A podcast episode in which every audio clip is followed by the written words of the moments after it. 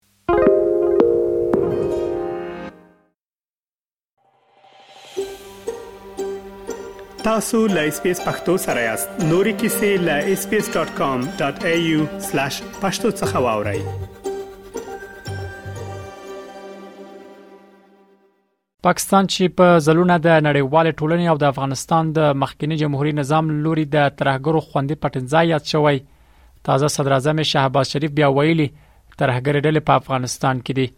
شهباز شریف د جمعې په ورځ د افغانستان په وخت شپه مهال په نیویارک کې د ملګرو ملتونو واویاومې کلنۍ غونډې ته په وینا کې وویل چې هیواد یې نړیوال ټولنې سره یو ځای له افغانستانه د ترهګرو ډلو د غواخونو په اړه اندېښنه لري نو موري په خپل دغه وینا کې د یو شمېر تروریستي ډلو لکه د داعش خراسان څنګه تحریک طالبان پاکستان القاعده د ختیځ ترکستان اسلامي حرکت او د ازبکستان اسلامي جنبش ډلو نمونه یاد کړل او ادعا یې وکړه چې دا ډلې افغانستان کې میشته دي که څه هم شهباز شریف د خپل خبرو د اثبات په پار هیڅ ډول ثبوت وړاندې نه کړ خو په افغانستان کې له واکمنو طالبانو وغوښتل چې د دې ډلې د منځوړلو لپاره جدي اقدام وکړي دا په داسې حال کې ده چې په وروستیو کې د پاکستان د بهرنیو چارو وزیر بلول بوټو او ځینې نورو چارواکو هم ورته څرګندونې کړي د شهباز شریف دغه څرګندونې په کوردننه د افغان طالب چارواکو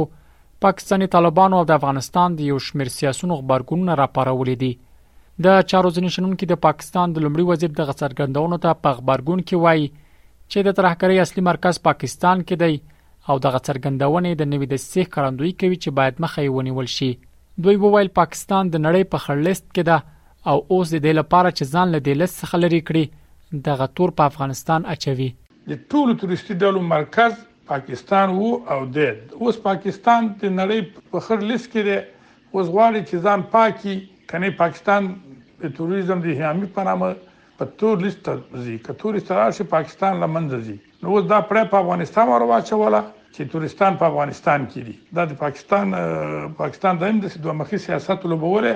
افغانان به غوت او قاطع دریز د پاکستان سره ولري او خپل حد ورته وخی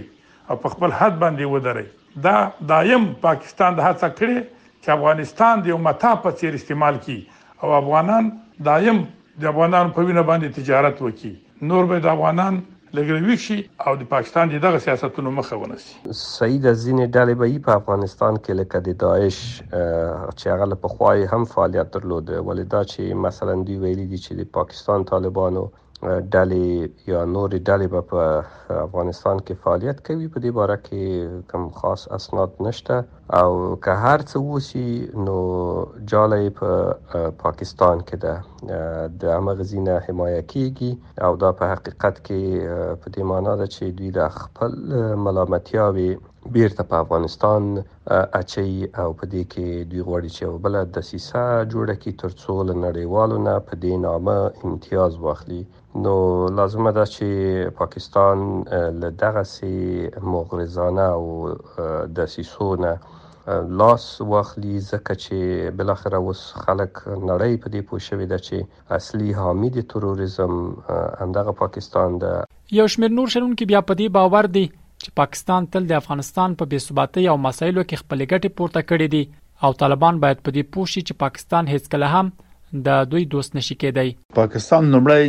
د امریکا د الزوایری ډرامه چې په افغانستان کې جوړه کړه وې دا یو کچ القاعده مشل تسته دلته هم طالبانو خبرګون ته متوجه و چې طالبانو په دې اړه رد نه کړ دوم بیا پاکستان د جیش محمدي مشر مسعود احزار هم ادعا وکړه چې په افغانستان کې د بیا د ټي ټي پي ډلې هم ښکاره کړه چې باید د سولې پروګرام یې طالبان مخ ته بوځي یعنې طالبان له ترکستان سره لاس لري دا اول په خله د دې خبرو وکړه بیا وروسته لاړه په نړیوال سټیج باندې د دې لپاره چې ځان وښیي چې زه د ترهګرو حامیان نه یم او پاکستان کې نسته او دلته ځال نسته ټول په افغانستان کې دي یو مطلب دا او بل مقصد دا و چې د امریکا او د خپل ستراتیژیک ملګری چې د د هغه خبره تایید کړي چې وو ته دلته القاعده او دا مسله څه چې غواړي دای پکې له نړیوال نو دنده واخلي خپل کمیشن او پیسې واخلي تر هغه چې په دې حق باندې اقدام مو خدا سو برنامه جوړه کی نو پاکستان همیشه د افغانستان په بې ثباتۍ کې د افغانستان په مسایلو کې ګټې پورته کړې دي او هغوی ماونه خپل کورنۍ منوم ګټو ته ډیر ارزښت ورکوي او بل پیام دا ده چې طالبان باید په دې باندې پوه شي چې پاکستان د دوی دوست نشي کېدلی او دوی داسې په نړیوال سټیج باندې شرمي. د افغانستان پخواني ولسمشر حامد کرزي هم د پاکستان د لومړي وزیر د خبرو په غبرګون کې د یو اعلامیې په ترڅ کې وویل چې افغانستان د ترهګرۍ قرباني دی او د ترهګرۍ مرکزونه له لسیزو راهیسې په پاکستان کې دي او د پاکستان تر مستقیم ملاتړ لاندې د افغانستان پر ضد کارول کیږي پاکستاني طالبانو هم د شهباز شریف دغه څرګندونې چې ګڼي افغانستان کې د نورو ترهګرو ډلو سربېره تحریک طالبان فعالیت لري رد کړي او په ځواب کې ورته لیکلي ول چې د خپل فعالیت لپاره د افغانستان خاورې ته اړتیا نه لري ورته وخت کې د طالبانو سرپرست حکومت بیا د پاکستان د صدر اعظم د غیداوی ردوي او وایي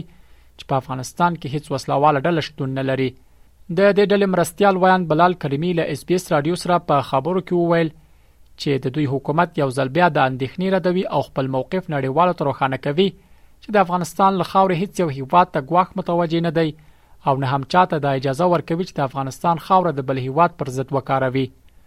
نوموړي زیاته کړه چې ځینې مغرضې کړۍ قصدا ناسم معلومات بهر ته انتقالوي او د هغه پر بنا غواړي چې افغانستان یو ترهګر هیواد معرفي کړي. اسلامي امارت موقف او پالیسي دا ده چې هیڅ کوم هیواد ته د افغانستان له خاورې څخه تهدید او ګواښ متوجه نه ده او نه هم اسلامي امارت کوم هیواد ته اجازه ورکړي چې د افغانستان خاور د بل هیواد پر ضد باندې وکارول شي او په عین زمان کې متاسفانه ځینې مغرضي کړي ستاسو ناسم معلومات بهر ته انتقالوي او بیا دغه پر بنا باندې کله ناکله ادعاګانې درامسته کیږي چې هغه حقیقت نه لري او درست نه دي